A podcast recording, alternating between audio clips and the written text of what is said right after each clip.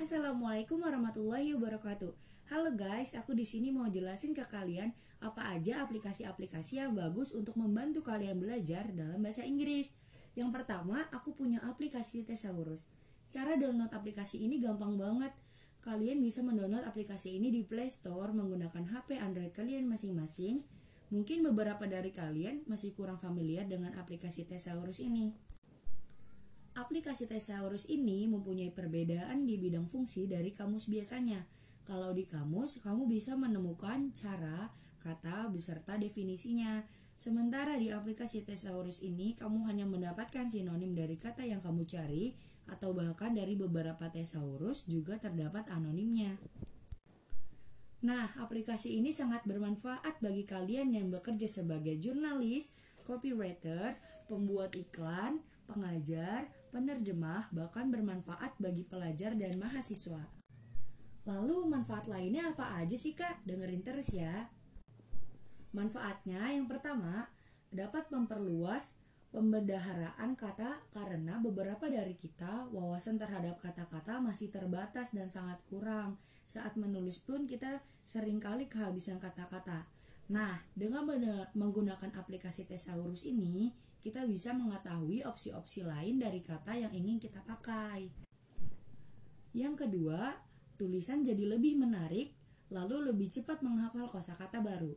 Ketika kamu kesulitan menghafal definisi, kata yang panjang di kamus, e, mencari tahu artinya di thesaurus dapat dijadikan alternatif daftar kata sinonimnya.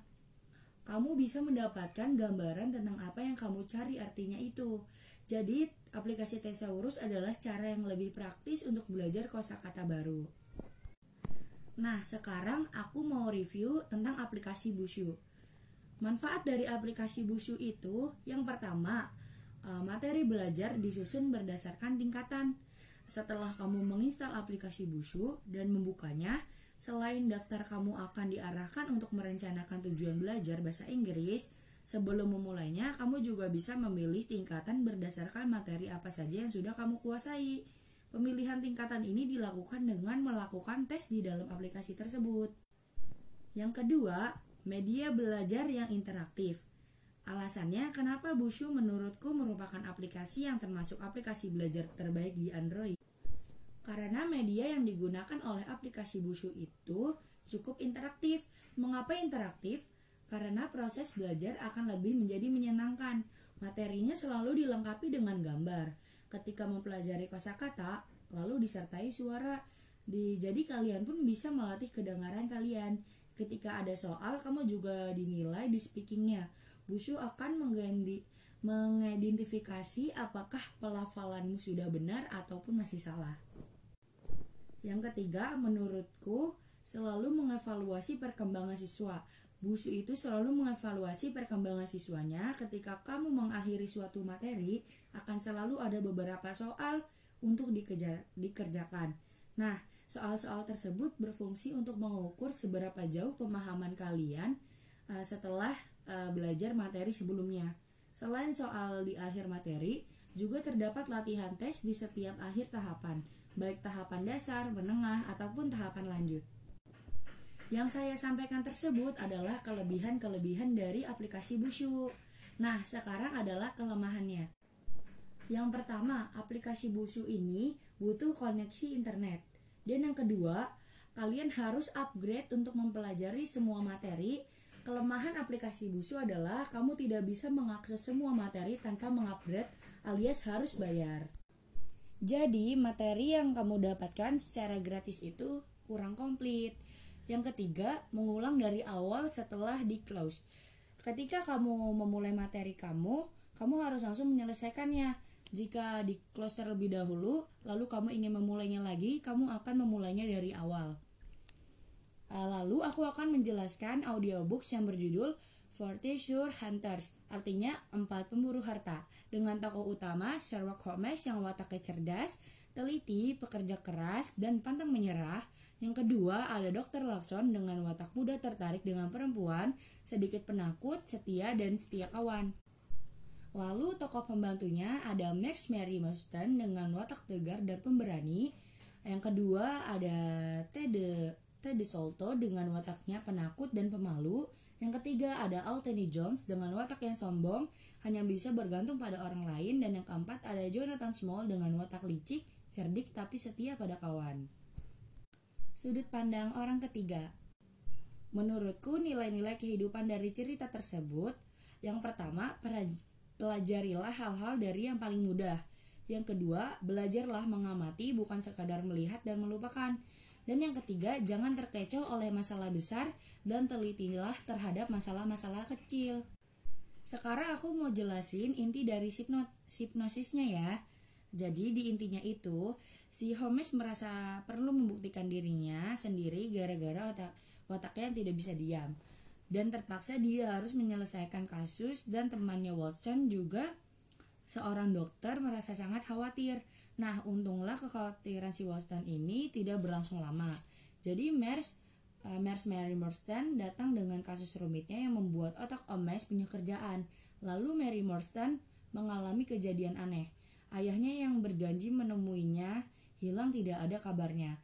Kemudian ada iklan aneh yang memintanya meminta alamat Mers Mary Morstan dan mengirimnya kalung mutiara yang besar dan indah kepadanya. Sejak kejadian tersebut, setiap tahun Mary Morstan mendapat kiriman mutiara yang indah tersebut. Nah, bingung kan? Kok bisa dapat mutiara yang sama setiap tahun? Jadi ketika ia menemui Holmes, Mary Morstan mendapatkan surat yang menyuruhnya untuk datang ke teater dan dia diizinkan untuk membawa dua orang temannya. Nah, jadilah bersama Holmes dan Watson, mereka berangkat bertiga. Mary, uh, Mary pergi ke tempat tersebut dan dia dibawa ke sebuah rumah di mana seseorang yang bernama Tede Salto, seorang pria kecil yang selalu gugup, uh, ia sudah menunggu sangat lama. Jadi Tede Salto menceritakan bahwa ayahnya dan ayah Mary mendapatkan harta karun dalam jumlah yang sangat besar di India. Mereka bertengkar dalam pembagian harta tersebut dan menyebabkan ayah Mary meninggal karena serangan jantung. Ayah Salto menyembunyikan harta karun tersebut namun ia meninggal sebelum sempat memberitahukan di mana tempat persembunyian hartanya. E, di malam ia meninggal, kamarnya digeledah langsung oleh seseorang dan tertinggallah kertas yang bertuliskan tanda empat. Merasa bersalah dengan Mary, lantas mengirim mutiara-mutiara tersebut yang merupakan bagian kecil dari harta tersebut yang tidak disimpan oleh ayahnya. Sehingga akhirnya saudara Tede Solto berhasil menemukan tempat persembunyian harta karun. Dan itulah sebabnya Tede Solto mengundang Mary agar bisa mendapatkan haknya atas harta tersebut. Namun ketika mereka mendatangi rumah, mereka menemukan tersangka oleh Athanis Jones, Henry Jones yaitu detektif setempat dengan kadar omong kosong yang sangat tinggi. Untunglah Holmes berhasil melacak jejak pembunuh yang sebenarnya.